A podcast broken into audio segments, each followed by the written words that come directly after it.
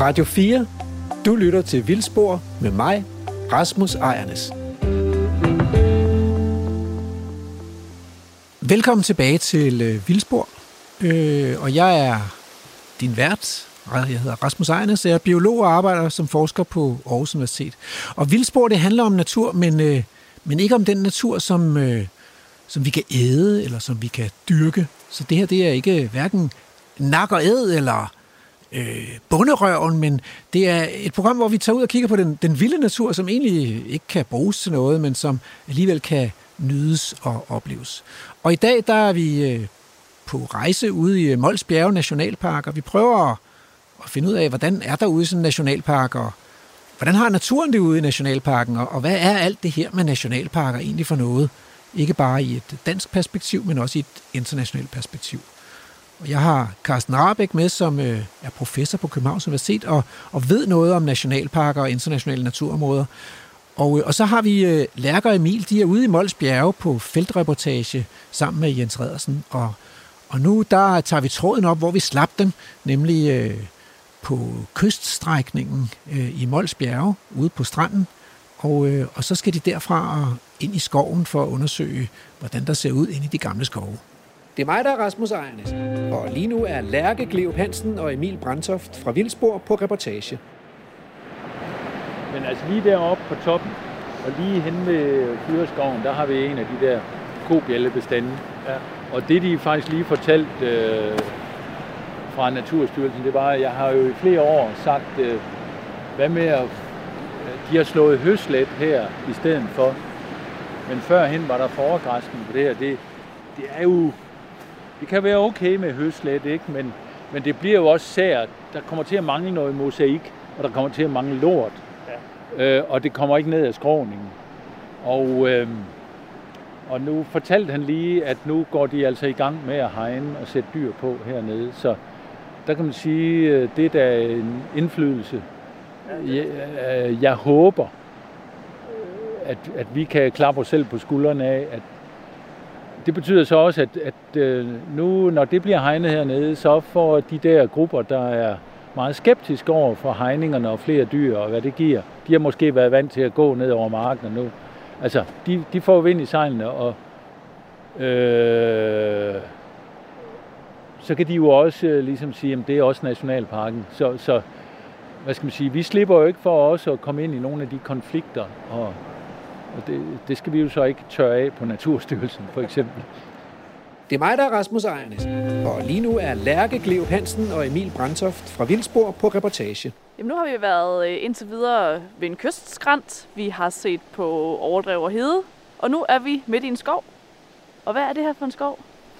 Jamen, det er jo det, som undersøgelser tilbage i 1980'erne viste var danskernes foretrukne øh, naturbesøgsmål om foråret og i efteråret, nemlig den danske højstammede bøgeskov. Mm. Og altså, jeg synes selv, den er pragtfuldt flot. Der står de her høje, slanke bøgestammer og med kronen højt oppe, og der er stille.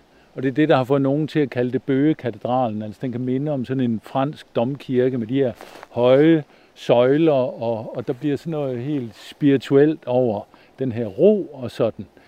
Den dårlige del af det, og den, den er jo, de er jo elgamle, de eneste, altså vi var jo helt nede på, at Danmark kun havde en 3-4% skov omkring i slutningen af 1700-tallet, krige og slotsbyggerier og flådebyggerier havde kostet skoven øh, livet mange steder. De eneste steder, hvor der var magt og økonomi til at beholde den, det var omkring godserne.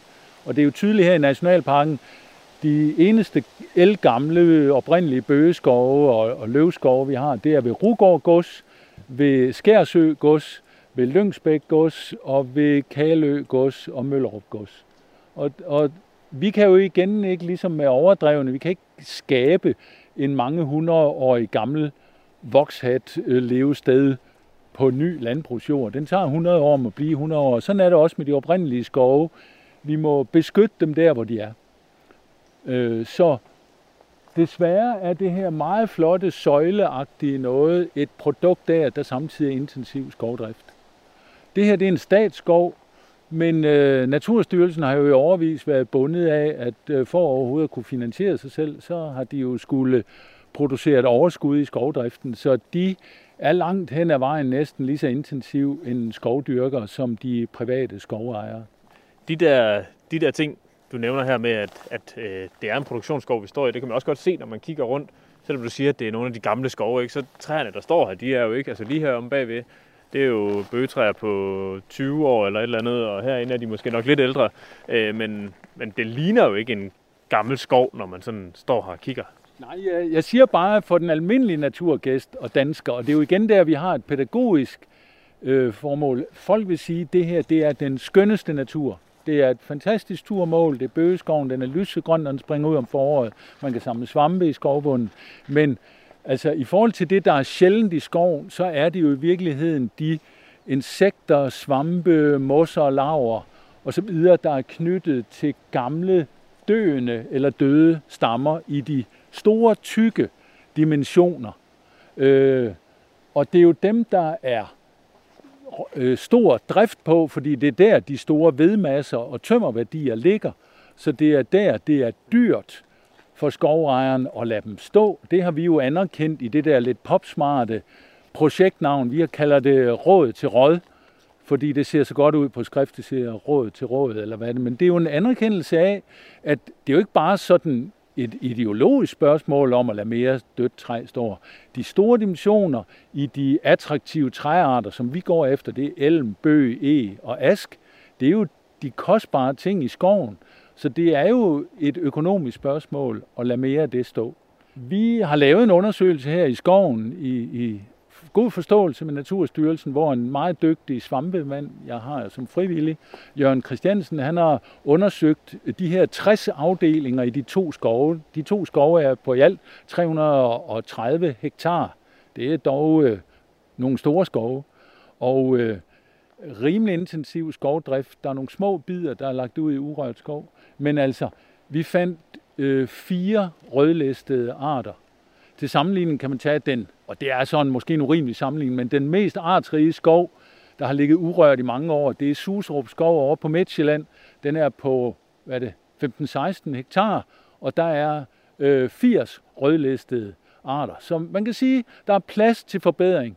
Og anbefalingerne fra biologer, der har forstand på biodiversitet, de siger, at der skal minimum være, det her er også Natur 2000 skov, der skal minimum være 20 kubikmeter øh, stort dødt ved per hektar, men allerhelst 50. Og for nogle år siden lavede Naturstyrelsen selv en måling her, der er fire. Altså der er langt fra fire bare op til det lempede krav på 20 hektar, eller 20 øh, kubikmeter. Ja, når jeg siger, at der er øh, kun fire rødlistede arter, så er det sådan noget biologslang. Øh, rødlisten, det er øh, Naturstyrelsen og Miljøministeriets øh, liste over de af de danske arter, der er så sjældne, at man anser dem som truede. Øh, og øh, det er faktisk en eksklusiv liste. Der, der skal rigtig meget til at komme på den liste. Så når man er truet, så er der altså virkelig fare på færre. Da vi øh, stod ude på kystranden før, så fik vi lidt åbnet for, at der kan være nogle konflikter, når man øh, gerne vil lave noget naturbevarelse, men der, der også er nogle andre interesser. Og nu fik du også lige talt lidt om, at, øh, at her står vi jo i en skov, som også øh, samtidig er udlagt til produktion. Hvilke, hvilke udfordringer står I ellers overfor, når I øh, skal lave naturbevarelse her i Nationalpark Mols Bjerge? Altså, tænker du nu specielt på, på i skov naturen eller I, I virkeligheden lidt generelt. Ja. ja. Altså, øh, jamen, altså økonomien øh, er jo selvfølgelig i mange, for mange lodsejere afgørende, og især de store professionelle. Og det var jo for så vidt også det, jeg talte om, at der har vi jo fundet det der smuthul, kan man sige, inde i Æbeltoft, der er rigtig mange erhvervsvirksomheder, der også er lodsejere. Øh, og den jord, der ligger uudnyttet hen rundt om virksomheden, den skal de ikke forrente. Så øh, der kan vi øh, få et gratis samarbejde helt uden at kommentere. Det er også de her flere og flere bylandmænd, der egentlig har ejendomme med skov og øh, overdrev. Øh, de igen har det for herlighedsformål, måske for at gå på jagt Øh, måske bare for at have god afstand til naboen. Øh, og der kan vi også mange gange øh, få nogle aftaler, måske helt uden kompensering. Og det har vi. Vi har frivillige naturplaner for skovejere også. Men selvfølgelig, når vi er i de store professionelt drevne arealer, så, så er der økonomi ind over, men vi får jo altså også 9,1 million om året på finansloven, og, og det hele skal jo ikke gå til mine lønninger og, og øh, kørepenge. Så øh, der er også penge til at, at lave noget, men som sagt, øh, nogle gange har vi sådan set pengene, og, og så kan det ikke lade sig gøre af andre grunde. Vi har også skulle lige lære at finde ud af at være nationalpark. Vi har 10 års jubilæum i år, og vi bliver altså hele tiden skarpere og skarpere og får bedre og bedre netværk, og den øh, nervøsitet, der var over for, hvor for nogle slemme nogle nationalparkerne var lige ved starten, tror jeg også, øh, skuldrene er kommet lidt ned øh, siden starten. Så øh, alt i alt synes vi, at det går fremad. Hvis man sådan skal øh, øh se lidt mere på de, de konflikter og interessekonflikter, der opstår, når man, når man gerne vil som nationalpark prioritere naturen.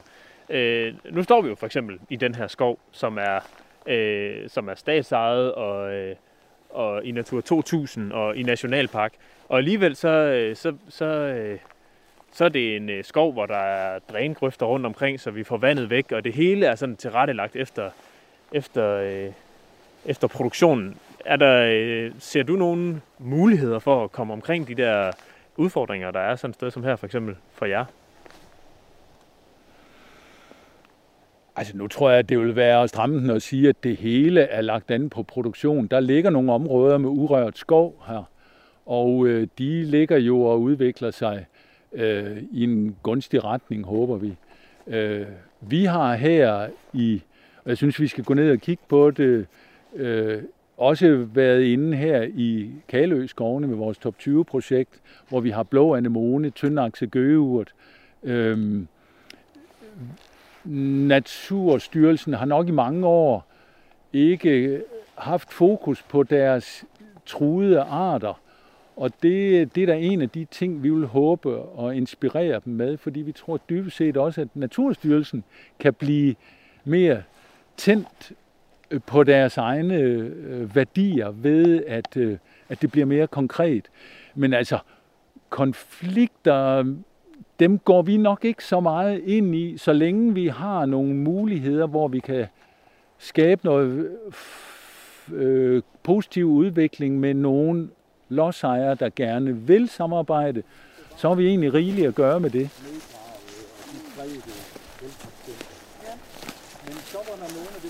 Det er mig, der er Rasmus Ejernes, og lige nu er Lærke Gleup Hansen og Emil Brandtoft fra Vildsborg på reportage. Nu er vi så kommet ned, øh, vi har jo Kalø Slotsruin her. Det er de øh, stejle kystgrænter igen oprindeligt, hvor havet har gnavet.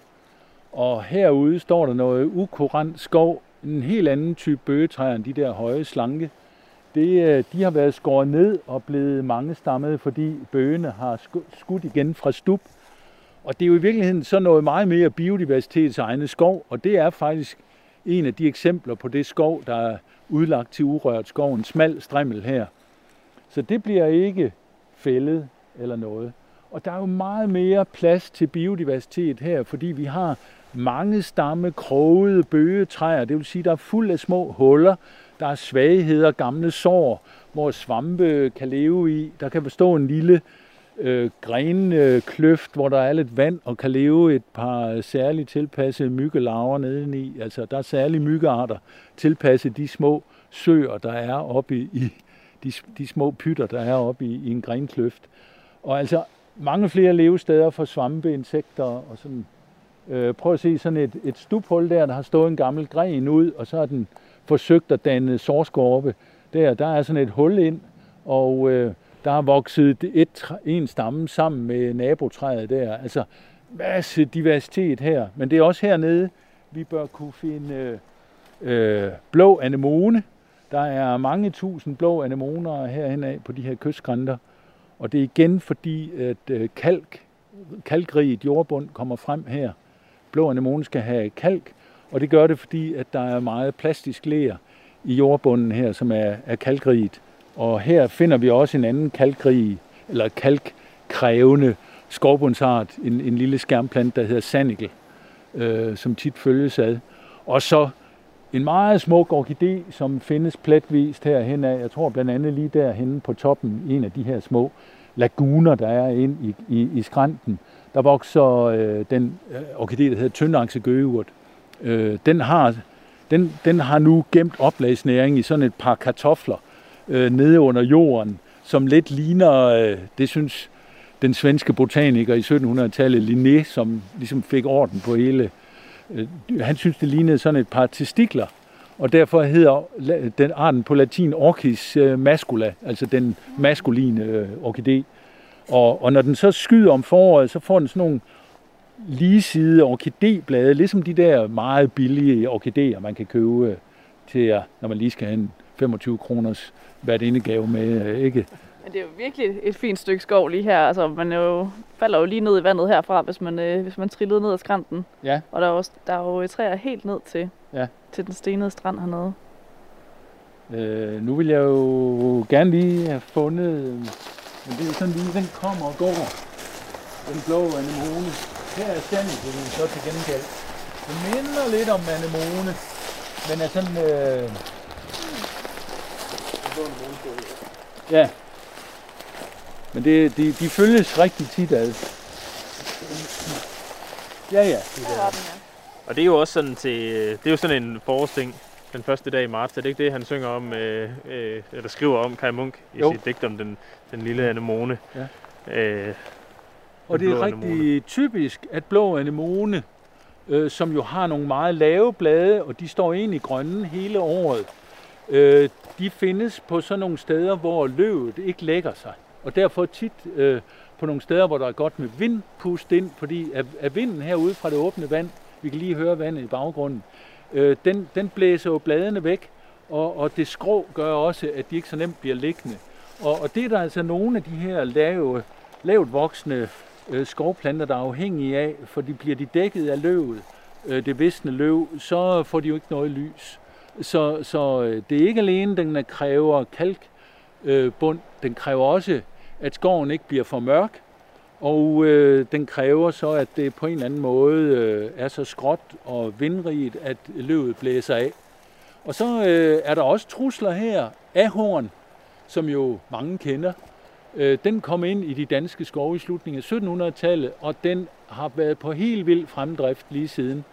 Den øh, vokser ind mange sådan nogle steder. Vi har et andet blå anemonested over i noget andet urørt skov, som Naturstyrelsen har over i Ringelmoskoven, den anden af de to Kaløskove. Og der har vi faktisk efter et halvt års øh, øh, diskussion øh, med Naturstyrelsen fået lov til at komme ind med vores naturplejegruppe og fjerne ahorn. Fordi den, den skaber så meget skygge under sig, at de blå anemoner ikke får lys nok. Og øh, der var Naturstyrelsen kommet i en klemme, for de havde udlagt det til urørt skov, og så må man jo ikke gå ind og fjerne noget af træet. Og øh, de synes, det var dårlig stil, hvis man nu som offentlig institution gik foran med et dårligt eksempel. Så gik de alligevel ind og fjernede træ. Men så fik vi den aftale, at de kunne godt se, at der var selvfølgelig et problem, og de ville nøde af med de blå anemoner. Så igen, den blå anemone blev en god ambassadør for noget. Og så fik vi lov til at fjerne ahorn, eller rettere sagt fælde ahornen, men den salomoniske løsning blev, at så lå vi det ligge på arealet. Altså vi tog det ikke ud og når man siger urørt skov, så er det jo selvfølgelig for, at man ikke skal fjerne ved øh, for at sælge det. Du lytter til Radio 4. Men Jens, da vi, øh, da vi kørte her hen mod, øh, ned fra kystgrænsen nede ved, øh, ved Fuglsø og kørte op mod Kalø her, der kom vi forbi lige nede ved øh, Kalø Slotsruin, og vi kunne se øh, strandengene derude, og der holdt en del biler på parkeringspladsen, og man kan se, at der går folk rundt derude. Øh, men der går jo også na- naturplejekvæg derude, og, og, øh, og det samme sker jo inde i Mols Bjerge, kommer der nogle konflikter med, med friluftsliv på den måde? Du lukkede lidt op for det måske, da vi talte om det nede ved, ved Fuglsø. Kan du prøve, at, hvad er det for nogle konflikter, der opstår der? Altså de konflikter, der er, det er jo, øh, der, der er jo en succeshistorie med, at, at det er jo gået lodret op med flere og flere mennesker, tager ud og besøger naturen. Det kan kun være godt. Øh, der er også flere og flere brugergrupper. Der opstår jo hele tiden nye sportsgrene, så der er kitesurfer, almindelige surfer, og der er mountainbiker, nogen, der kun kører på nedkørsels, vilde nedkørselsbaner, der er løbere, der er paraglider, der er orienteringsløbere, der er almindelige løbere, der er turgæster, der er ornitologer, der er svampesamlere. Altså, og de jo, man skal jo ikke tage fejl af, nogle af dem vil jo ikke være der sammen. Vi har lavet sammen med kommunen og Arbejdsmarkedets Feriefond en cykelsti ind igennem Mols Bjerge for at separere det fra den kørende trafik. Men de bliver sure, hvis rytterne rider på dem, for det ødelægger øh, øh, det jævne køregrus. Og omvendt, mountainbikerne synes, den er for kedelig at køre på. Så vi kan sige, at vi skal også administrere en situation, hvor der er flere og flere forskellige brugergrupper. Og en af de ting, der er kommet nu, det er for eksempel de store folde derinde. Der er jo dem, der rider på heste. De opdager jo pludselig nu, at de mange små folde bliver lagt sammen til store folde. Og hvor der før måske kun gik for ind i en fold, og i perioder slet ingen dyr, så er der nu helårsgræsning. Det vil sige, at der er ikke en periode, hvor de kan ride der ind, fordi der ikke er græsning. Der er lige pludselig måske, man gerne efterabe vilde dyre, flokke i savannelandskaber, så man vil helst ikke bare have én dyreart, man vil gerne have både får, køer og heste, og måske geder. Og, og rytterne vil jo ikke øh, ride ind i en fold, hvor der kan være på en, på en øh, hobby hobbybrunst, øh, hvis der er hængste derinde. Det er jo en reel konflikt, så de synes, de er blevet reduceret i deres muligheder. Jeg synes, det er, jeg synes, det er tankevækkende, når man sådan ser på og følger debatterne omkring de her øh, vilde skove og vildere naturområder, og øh, Aarhus Kommune, der er i gang med Moskov og Vildskov-projekter og sådan noget. Øh, der er rigtig mange, som sådan bakker op om det. Mange af dem, som er, øh, som, som er naturbrugere, indtil det går op for dem, at hov, det kan faktisk godt være mine privilegier, som at jeg plejer at få lov til at ride en tur her, det kan jeg måske ikke helt på samme måde længere. Lige så snart det sådan kommer til at gå ind over vores helt egen personlige udfoldelse, og vi skal ændre på et eller andet, så stejler de, og så opstår, så opstår modstanden. Det, det, sådan, sådan ser jeg det. Og tit så bliver det faktisk de der naturbrugere, øh, som også var rigtig mange af dem, du nævnte før, ikke med øh, orienteringsløbere, mountainbiker og rytter og, og, og hvad har vi, øh, som pludselig kommer til at være dem, der står i vejen for en vildere natur og at man kommer til at kunne prioritere naturen mere på naturens præmisser. Det, det, det, er, sådan, det er sådan, jeg oplever det tit. Er det, er det, ser I også det herude? Øh, nu var jeg lige over holde et oplæg på en konference på Nødebo Skovskolen, der netop handlede om de her konflikter. Fordi det er jo en friluftslivs- og naturforvaltningskonference. Og jeg prøvede at, at kigge på de forskellige brugergrupper, vi har herude. Og, og det var også ud fra det paradoks, som de siger ude på Mols Laboratoriet, samtidig med, at der er nogen, en, en pressionsgruppe på Mols, der siger, uh, alle folk herude, de er bange for, øh, de er bange for, ja, så kommer der lige en mountainbiker forbi. God tur. Øh, det var da meget relevant. Øh, så, øh, og de siger, at alle mennesker herude er hunderede for at gå ind i de her folde. Så siger Molslaboratoriet, siden vi har lavet det her rewilding-projekt, så har vi tit oplevet vores besøgstal. Det passer jo ikke sammen. Jeg tror, det er fordi, igen, folk er forskellige.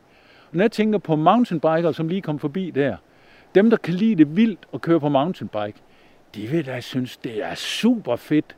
De sender jo selfies hjem af, nu, nu skal jeg ned af den her vanvittige bakke. Ikke? Hvis der så også kunne stå en bison dernede, så bliver det da et topgodt selfie. Ikke? Altså nu med bison. Så jeg tror, det er nogle meget forskellige brugergrupper. Og nogen vil bare synes, jo vildere, jo federe. Ikke? Nu også med los, og jeg ved ikke hvad. Ikke? Jens Fredersen, tak fordi du vil vise os rundt her i Nationalpark Mols Bjerge og øh, tage os med rundt i nogle af de forskellige naturtyper og, og tale lidt om nogle af de her vigtige arter, som I, I passer godt, ekstra godt på herude. Det er rigtig spændende at følge med i. Selv tak. Og så tror jeg, at vi skal ud og se, om vi kan finde en eller anden ting til Rasmus. Ja, vi står jo øh, herude på kystgrænterne i en skov, så måske kan vi finde et eller andet her, der giver ja. mening at tage med hjem. Lad os lige prøve at gå ud og kigge. Du lytter til naturprogrammet Vildspor med Lærke Gleup Hansen, Emil Brandtoft og mig, Rasmus Ejernes. Så er vi tilbage i øh, laboratoriet igen, øh, og øh, fra feltreportagen ude i øh, Mols Bjerge. Så tak for det, Lærke og Emil. Og her i laboratoriet, der, øh, der har jeg besøg af Carsten Rabeck, der er professor på Københavns Universitet og leder af det center, som hedder Center for Makroøkologi, Evolution og Klima, kort SMEK. Og, øh, og vi skal tale lidt om, øh, øh, hvordan er det at have sådan en nationalpark, og, og hvad er der for nogle potentielle konflikter i sådan en nationalpark. Det er jo et tæt befolket land, Danmark. Vi er ikke, vi har ikke nogen store strækninger med øde regnskove eller sumpe eller enorme skove, som man har andre steder i verden, eller bjerge for den sags skyld. Så, øh, så hvordan, øh, hvordan kan vi egentlig slippe afsted med at få øh, nogle gode og spændende nationalparker i Danmark? Og øh, øh jeg har faktisk en gave jo, som Lærker og Emil har taget med hjem ude fra, fra deres feltreportage her. Så den, ser, den ser sådan her ud. Øh, jeg ved ikke, om du kan se, hvad det er, Karsten. Det er noget dødt træ. Det er simpelthen øh, dødt træ, eller det vi også kalder dødt ved.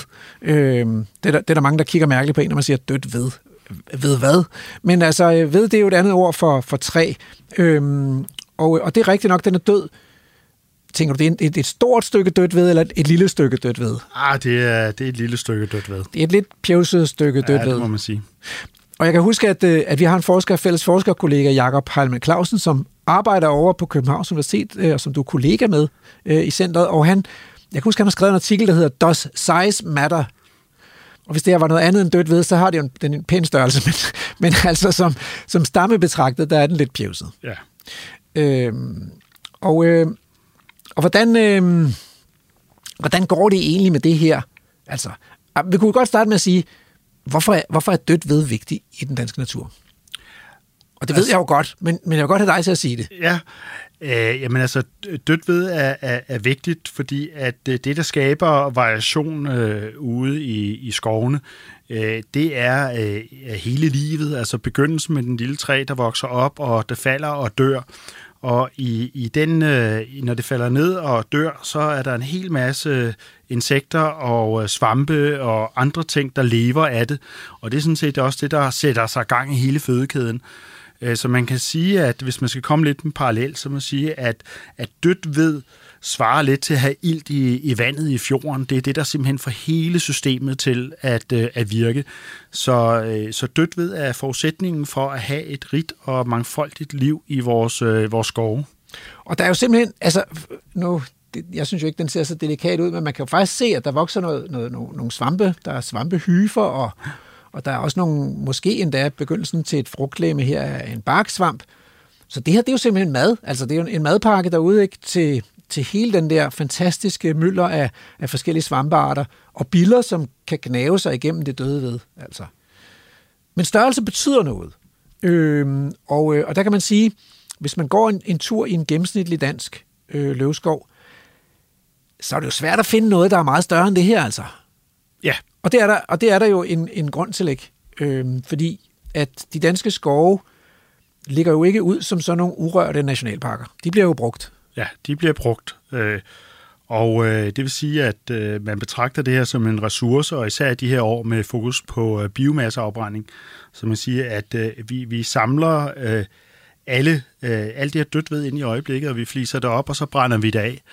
Øh, og man kan sige, at det, øh, det kan man så diskutere om godt for klimaet eller ikke godt for klimaet. Man kan sige, at man fjerner livet fra skoven, øh, mm. så det har en stor øh, negativ effekt.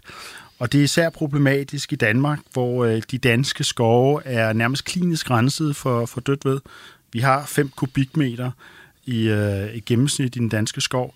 Og, øh, og, og 5 kubikmeter lyder jo alligevel af, af noget, ikke? Så det er på, på en hektar, der er der i gennemsnit 5 kubikmeter dødt ved. Det kan jo godt fylde lidt op derhjemme i brændeskuret, men ja, det kunne det sagtens. så, så hvorfor er det ikke meget? Vi skal bare huske på, at i en naturlig skov, hvor der ligger jo mere end sådan nogle små øh, træpinde der, øh, der ligger der store stammer. Øh, så når man ser på, hvad der skal ligge naturligt i en skov, så skal der ligge 150-175 kubikmeter. Okay, det er noget helt andet. Det er noget det er helt en, en andet. størrelsesorden. Øh, Så det er klart, at når man fjerner øh, Øh, hvad skal vi sige, hele livsgrundlaget for den biologiske mangfoldighed ude i skoven, øh, og kommer ned på 5 øh, kubikmeter, så har vi et problem. Og vi har også undersøgelser fra, fra Tyskland, der viser, at hvor meget dødt ved skal der ligge i en skov, for at den overhovedet fungerer biologisk. Og der ligger tallet på omkring 20 kubikmeter. Så vi ligger væsentligt under. Så vores danske skove øh, er, er faktisk ørkner. Øh, det, det er lidt som, altså, som biolog, øh, der er lidt som at stå og kigge på en kornmark, øh, Øh, når man står og kigger på sådan en skov.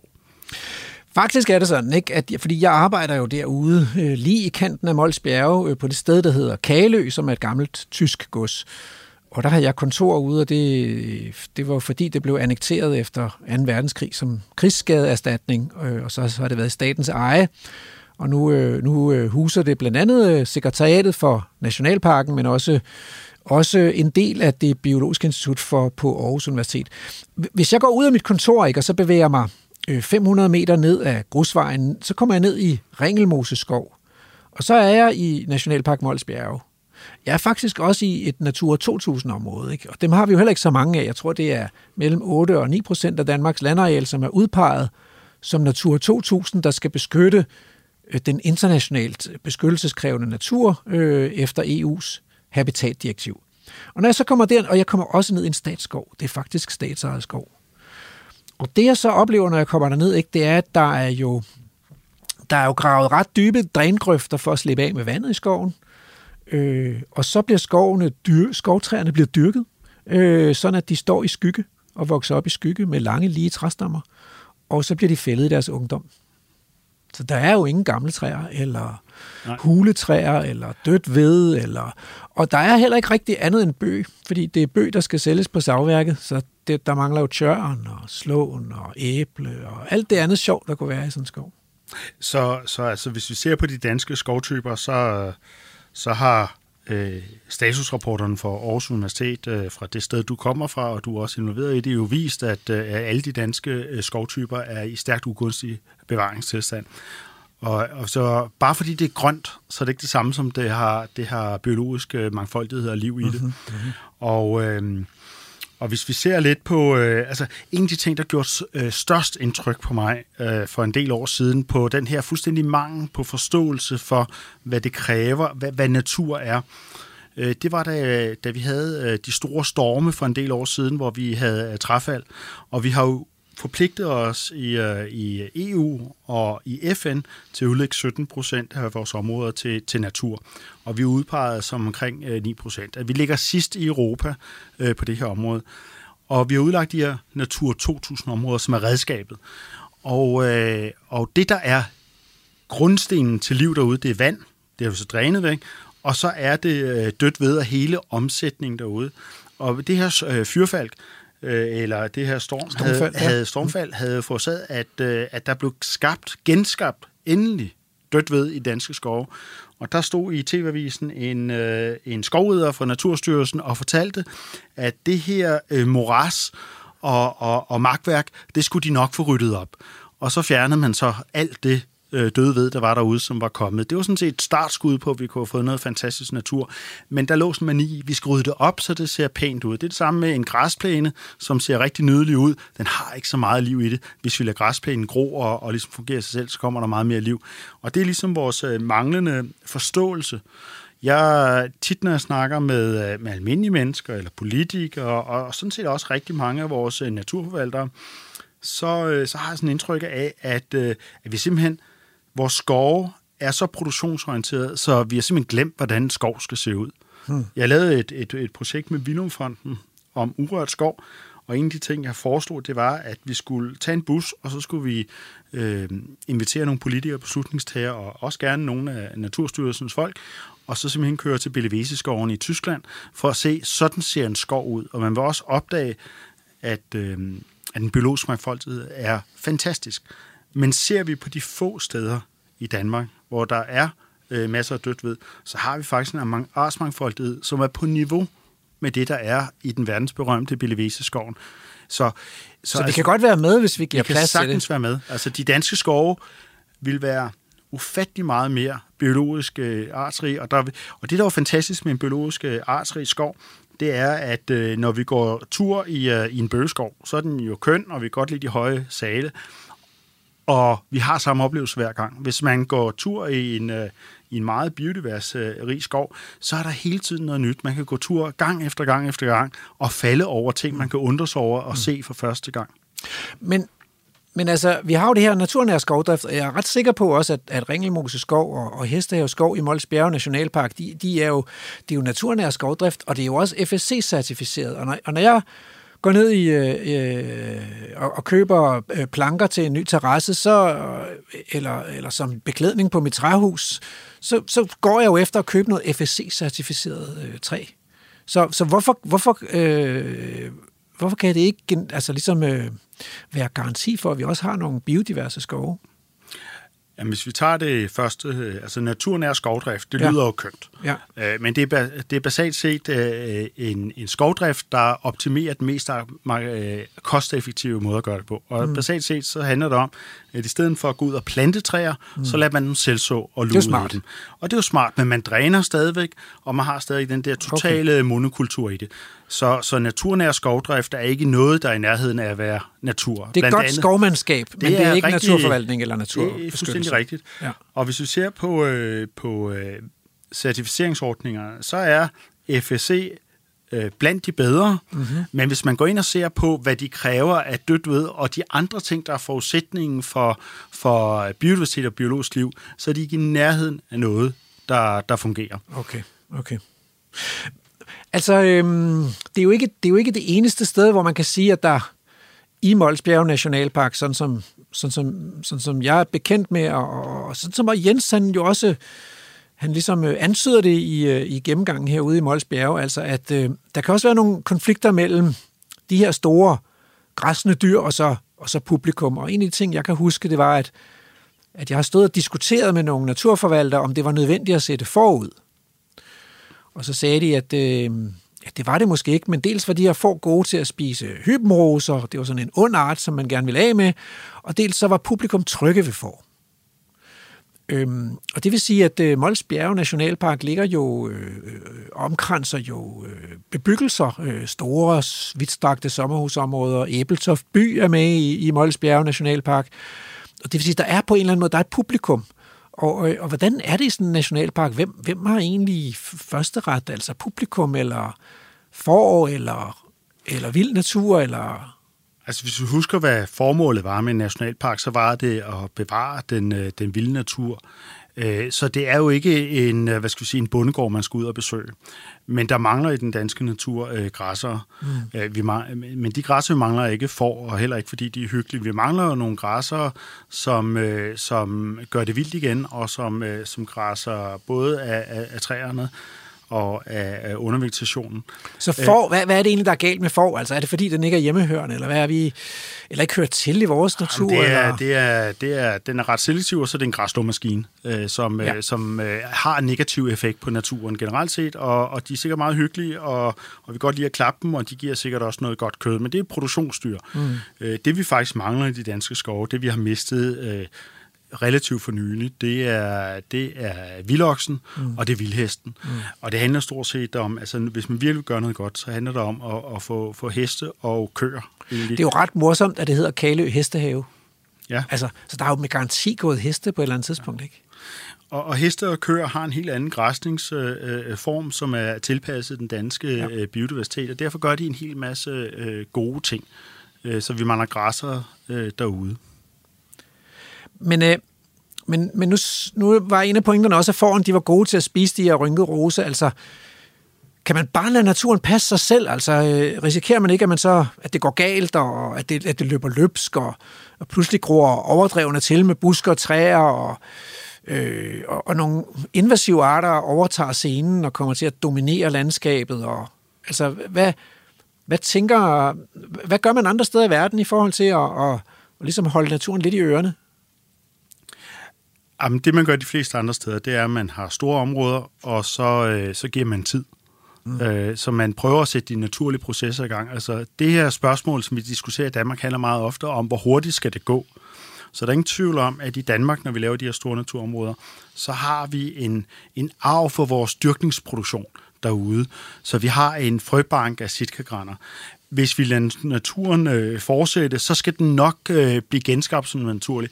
Men det er klart, at man kan godt gå ind og sætte, øh, sætte gang i, øh, i nogle naturlige processer, øh, få vandet tilbage, det skal nok slå en del af det her ud, øh, lad, lad stormene øh, fældtræerne en gang imellem, øh, få nogle øh, store dyr, der græsser derude, så skal det nok komme tilbage. Men man kan jo godt, hvis man er lidt, øh, hvis man er lidt utålmodig, så kan man jo godt gå ud og... Øh, og øh, hvad hedder det, øh, hjælpe dem lidt på vej med at fjerne det, der er en uønsket effekt af den tidligere produktionsskov mm. eller, eller overdrev, som man har. Du lytter til Radio 4.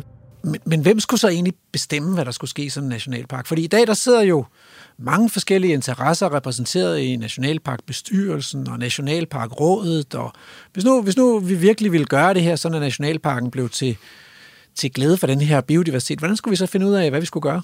Altså, hvad gør man i Kryer Nationalpark? Altså det, der er karakteriseret ved de fleste andre steder i verden med nationalparkerne, det er, at øh, man har øh, en forskningstilknyttet øh, øh, man er forskningstilknyttet, man har en stor opsamling af biologisk viden, og så har man først og fremmest, øh, hvad skal vi sige, folk, der har forståelse for de biologiske processer til at, at lave planerne for, hvordan det her område det, det skal fungere. Det er, er, er ikke produktionsfolk, der styrer nationalparker rundt omkring i verden. Men det er lidt det, vi ser i Danmark, at det er produktionstankegang, der vinder ind. Så det er, ikke, det, det, det er ikke sådan, at alle behøver at være akademikere og arbejde på et universitet, men det kan også godt være praktikere, men, men målsætningen og erfaringen og kompetencerne, det skal ligge på naturforvaltning, og ikke på skovbrug og landbrug. Er det det, jeg hører og det er også, Ja, og det er også derfor, at øh, som jeg ofte siger, det er, hvis vi vil naturen, så skal vi også lave de tiltag, der er, er til for naturen. Hvis formålet med Mols Bjerge er, at der er for, man kan klappe, jamen så øh, skal man jo gøre det. Så det er meget den der, hvad er det, vi vil ja, øh, med ja. det, som er afgørende. Og den skal så bakkes op med den viden, der er nødvendig omkring det. Og så kunne jeg godt lige tænke mig også at høre, fordi du siger, at, at størrelse, altså plads og tid, tålmodighed, er nøgler. Øh, men øh, altså, dels så kan man jo spørge, har, har vi overhovedet tid? Fordi vi befinder os midt i en biodiversitetskrise, og det er akut og sådan noget, så, så kan vi vente i 100 år? Og det andet, det er, har vi overhovedet plads i det her? Vi, vi lever i sådan et lille, tæt befolket land øh, med et intensivt landbrug, og øh, så, så giver det overhovedet nogen mening at forestille sig vilde naturområder øh, i det danske landskab? Jamen, vi har øh, mere end 30 store sammenhængende områder, hvor der egentlig ikke er konflikter, som at flytte byer og sådan en stil øh, en del af de områder faktisk på de ikke særlig produktive områder. Så det er lidt spørgsmål om, hvad vi skal producere i de områder, om vi skal have, have natur eller vi ikke skal have natur. Og så er lidt spørgsmål, at hvis vi går ind og laver det til natur, så skal man gå ind og gøre det helhjertet. Mm. Øh, så vi har faktisk masser af muligheder. Hvis vi ser i Europa, så har Europa som gennemsnit udlagt 17 procent til Natur 2000. Vi ligger øh, sidst i klassen på 9 procent. Så hører jeg tit det her med, at det er fordi, vi er et landbrugsland, og det er fordi, der er rigtig mange mennesker. Og så tænker jeg lidt over, har vi glemt, at der også bor mennesker i andre lande i Europa, og der er faktisk rigtig mange lande, der har større befolkningstætheder. Og hvis man ser på de lande, der har samme befolkningstætheder og egentlig også samme produktionssystemer, så har de faktisk formået at, at gøre det her. Og det, det, der er forskellen, det er, at når vores øh, andre europæiske lande går ind og sætter Natur 2000 og nationalparker til, så, er de, så ryster de ikke på hånden over, hvad formålet er. Og vi forsøger lidt at, i Danmark at blæse ham i munden. Øh, mm. Vi skal både have lidt produktion, og vi skal have lidt natur. Og det er sådan set, at når vi går ind og producerer, så har det en omkostning for naturen. Så når vi forsøger at blæse mel i munden, så får vi lidt natur, men det virker ikke helt. Mm. Og vi får også lidt produktion. Og det er virkelig en produktion, som er marginal og ikke har nogen samfundsøkonomisk øh, gevinst for det. Det er jo på en måde en lidt alvorlig kritik mod danskerne, altså at vi er, har så svært ved at give bare en lille smule plads selvom vi faktisk har pladsen, og at den ikke er, det ikke er nogen nationaløkonomisk imperativ, at den der plads skal bruges til nyttiggørelse. Altså. Det er op i vores hoveder, at pladsen mangler. Altså en stor, jeg sad i Natur- og Landbrugskommissionen, og der påpegede vi, at en stor del af det landbrugsareal, om det så er 15 eller 20 procent, som vi dyrker, det kan faktisk ikke betale sig at dyrke ud for et produktionsmæssigt øh, synspunkt. Grunden til, at vi dyrker det, det er fordi, at man tjener penge på tilskud fra EU. Så vi har pladsen? Vi har pladsen. Vi har også masser af skove. Altså, Naturstyrelsen oplyser selv, at, øh, at, øh, at de enorme mængder skove, som, øh, som de ejer, der har de et samlet overskud på at drive den på 50 millioner kroner om året. Det vil sige, at, at vi tjener 50 millioner kroner, men samtidig så omdanner vi befolkningens skove til, til ørkner, øh, med hensyn til, til biodiversitet. Så det koster faktisk ikke ret meget at lave en indsats i skoven, mm. og det åbne land koster lidt mere, men det er primært fordi, det er drevet af tilskud. Og EU er ved at afvikle de her tilskud. Så jeg, jeg, jeg har tidligere sagt, at der er faktisk rimelig meget areal i Danmark. Så skal vi have en samfundsdiskussion, om vi skal have natur, eller golfbaner, eller hulunduftning, eller sommerhus. Men, men jeg køber ikke den mantra om, at vi ikke har plads i Danmark. Mm. Vi sviner med pladsressourcer. Mm. Og hvis vi begynder at, at tænke os lidt mere fornuftigt om, så er der plads nok til, at vi plads. både kan have natur og have en landbrugsproduktion. Det er sådan set det, vi kom med i Natur- Vi kan sagtens have en god landbrugsproduktion og have mere plads til, til, til naturen. Der er et land i øh, verden, har jeg hørt, der er mere opdyrket end Danmark, nemlig Bangladesh, og alligevel har de fundet plads til en tiger. Nu siger du tiger, Rasmus, og det er jo sådan et godt eksempel på, øh, på hele problematikken omkring her. Jeg plejer tit, når jeg er ude og holde foredrag, at spørge, om, øh, om folk gerne vil bevare tigeren i, i Bangladesh. Og, og det vil folk gerne. Øh, og der er også rigtig mange danskere, der giver penge til at bevare tigeren i Bangladesh. Nu er det et meget tæt befolket land. Der er kæmpe konflikter. Og det, at tigeren som mennesker, er et seriøst problem. Altså, tager mennesker lyder sødt, men, men den æder simpelthen den, mennesker. Den slår mennesker ihjel. Ja. Men det er det, vi betaler til Bangladesh for, at nu skal vi, nu skal vi bevare tigeren. Hvis vi prøver at føre den ind i den danske øh, selvforståelse, så har vi jo fået ulven tilbage, som hører hjemme i den danske natur. Et toprovdyr. Og et toprovdyr. Øh, og ulven tager ikke mennesker. Øh, men vi er dødsangst for den, så vi har den her enorme konflikt øh, på at diskutere, skal vi udrydde den, så, så vi, er, vi er blevet sådan et, et, et, et kulturkunstigt land, der har mistet vores forståelse med naturen, hvor vi ikke tør have noget, der er farligt, og ulven er ikke specielt farlig, men vi vil gerne pålægge resten af verden, at de skal passe på deres, øh, deres biodiversitet. Og det synes jeg er noget, vi som danskere bør reflektere en lille smule om, øh, den her selvforståelse og vores egen natur, og i forhold til, hvad vi mener andre rundt omkring i verden, at de skal tage vare på deres øh, vilde dyr. Det synes jeg er en fantastisk udgang på samtalen om øh, nationalparker, om at få nogle naturområder, der er så store og så vilde, at vi faktisk godt tør give plads til den vilde natur også til ulven. Tak skal du have, Carsten Rabeck. Det var en fornøjelse. Selv tak. Du lytter til Vildspor med mig, Rasmus Ejernes. Og øh, nu skal vi til ugens tråd, og øh, det jeg har gjort den her gang, jeg snydt en lille smule. Jeg er gået tilbage til den 31. oktober. Og der lægger Jakob Heilmann Clausen et øh, link op i Facebook-gruppen biodiversitet.dk, der har 8.400 medlemmer. Og Jakob skriver, den vildeste misinformation fra Dansk Skovforening – og så linker han til Dansk Skovforening, der har lagt et link ud, der hedder Undersøgelse sort tvivl om urørt skov er bedst for biodiversiteten, og så er der et, et klip fra TV2 Bornholm. Og Jakob skriver, dybt pinligt udopstegn. Jeg kender udmærket det tyske studie fra 2016, som der henvendes, henvises til. Og her er pointen åbenbart, at forskerne har i en tysk, større tysk undersøgelse konstateret, at artsdiversiteten er større ved forstlig drift, altså skovdyrkning, end ved at lade den ligge urørt. Det er i hvert fald det, der fremgår af det her klip.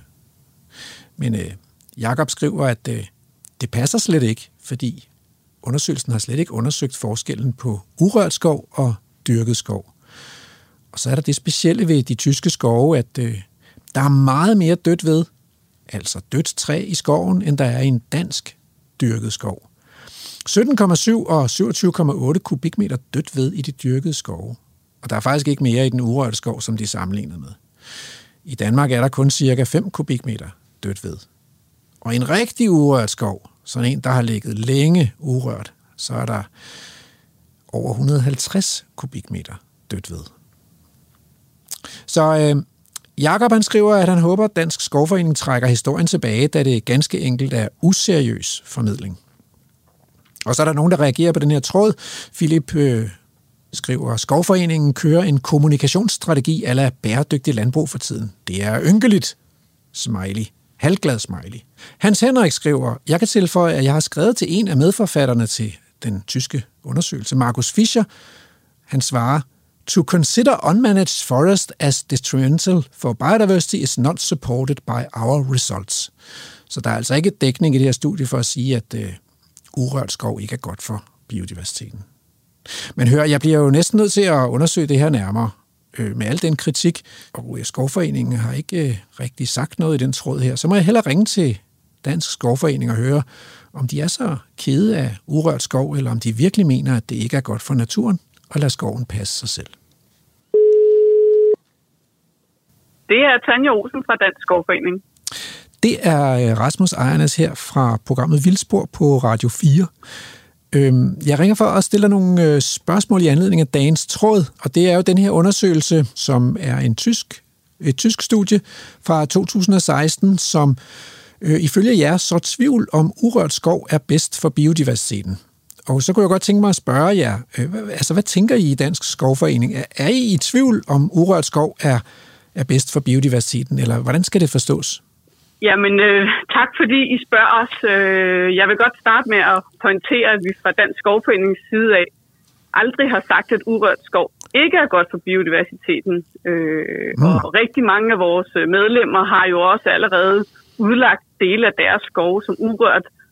Dels gennem tidligere betalingsordninger. I øjeblikket er der rigtig stor interesse for den statslige betalingsordning, der er for urørt skov. Så, så på den side, nej, vi, øh, vi mener bestemt ikke, at urørt skov ikke er godt for biodiversiteten. Øhm. Okay, men, men, men hvad er det så, I mener, at man kan lære af det her tyske studie? Altså, hvorfor er det interessant?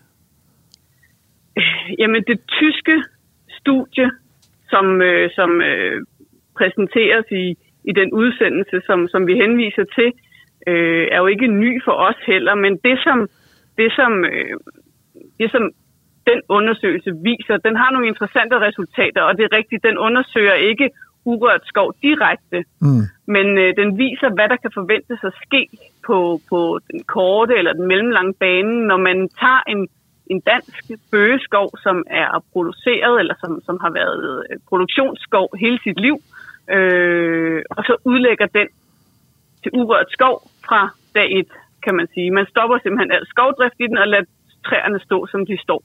Øh, og, og hvorfor? Den type bevoksninger, ja. der vil bare gå rigtig lang tid, før man kan se nogle synlige resultater for biodiversiteten. Og det er sådan set det, som den tyske undersøgelse viser. Øh, og, og, og hvorfor det? Altså, øh, fordi det kan jeg godt øh, leve mig ind i, men det er jo ikke sikkert, at lytterne de sådan, ligesom kan forestille sig, hvordan ser sådan en forskligt drevet bøgeskov ud. Så, så hvad er det, der er udfordringen, hvis man bare lægger den ud, og så øh, piller nallerne, om jeg så må sige? Ja, men den, den, den store udfordring er jo, at i en forskelig drevet skov, øh, bøgeskov, øh, som jo i dansk øh, kontekst jo typisk er plantet bøgeskov tilbage efter, at det danske skovareal var helt nede på 3 procent, jamen så har man plantet en masse skov, og man har drevet dem med det formål at få tømmer øh, til, det, til, til møbelindustrien og den slags. Og der har man træerne stående, øh, så de får lov til at vokse op, og de, de står tæt, øh, og de vokser så højstammet og store, og de har øh, ikke nogen tæt krone ned ad stammen, og der er ikke rigtig nogen store lysninger inde i bevoksningerne. Og når man bare på med fra en dag til en anden stopper driften og lader være med at gøre mere, som er den form for urørt skov, man, man, man typisk laver i privat skov, den aftale, man laver med staten, at man stopper simpelthen driften, og så gør man ikke mere og lader det være, jamen så vil skoven bare stille og roligt stå og vokse videre og blive mørkere og mere kedelig, fordi at dø er det, man kalder en klimaks træart. Og først når de her træer de bliver store og gamle og begynder at dø og falde sammen, så begynder man at få noget af den her naturlige dynamik. Så ja, på lang sigt er det her at udlægge den slags bevoksninger helt sikkert godt for biodiversiteten, men på kort sigt går det altså rigtig langt. Der, der kan du ikke se noget. Øhm, du kan ikke og, se nogen effekt af det. Men, men her til sidst skal jeg bare høre, øhm, Altså, det, det er ikke, jeg skal ikke forstå det sådan, at Dansk Skovforening er imod urørt skov. Nej, Dansk Skovforening er jo på ingen måde imod urørt skov. Vi synes bare, der skal være lidt en balance, og så er det rigtig vigtigt, når nu vi skal i gang med den her biodiversitetspakke, som, som øh, statsministeren lancerede her den anden dag, jamen så skal man være klar over, hvad er det for nogle målsætninger, man har. Hvordan kommer vi der til, og hvor lang tid tager det, sådan så der ikke er nogen, der tænker, hov, nu fik vi udlagt en masse urørt skov, og vi kan stadigvæk ikke se nogen effekt af det. Øh, vi må gøre noget mere. Øh, til gengæld kunne det være rigtig interessant at få set på, om kunne vi lave nogle ting i den dyrkeskov, som hurtigere skaber øh, nogle synlige resultater, så vi kan komme begge veje mm. til mere biodiversitet mm. i skovene. Altså, jeg, jeg har svært at blive uenig med dig, så, så jeg tror egentlig bare, jeg vil takke dig for øh, at have oplyst mig om, hvordan I ser på det her med urørt skov og øh, biodiversitet i skovene fra Dansk Skovforening. Tak skal du have. Jamen, velbekomme. God dag. Hej. Tak i lige måde. Du lytter til Vildspor med mig, Rasmus Ejernes. Så er vi nået til vejs ende i dagens Vildspor, og øh, vi har været vidt omkring. Lærker og Emil har taget os med ud i Molsbjerge, øh, hvor de fandt Jens Redersen, øh, naturformidler og biolog i Nationalparken. Og med mig i studiet har jeg haft professor Carsten Rabik, som har gjort os klogere på, hvad er sådan en nationalpark egentlig for en størrelse, og øh, hvordan er de danske nationalparker, hvis man sammenligner dem med nationalparkerne i det store udland. Og vi har lært, at, øh, at det giver faktisk god mening at have nogle steder i landskabet, hvor naturen kan passe sig selv. Men det er ikke så nemt. Det er i hvert fald lettere sagt end gjort. Du har lyttet til Vildspor, og øh, hvis du blev øh, nysgerrig, så kig ind igen øh, og lyt med på næste lørdag kl. 10.05, hvor øh, Vildspor igen sender fra en vild dansk skov eller noget andet dansk vild natur. Tak til øh, producer og tilrettelægger Andrew Davidson, som sidder her ved siden af mig. Vi lyttes ved. Programmet er produceret af Folkeuniversitetet og Aarhus Universitetsforlag for Radio 4.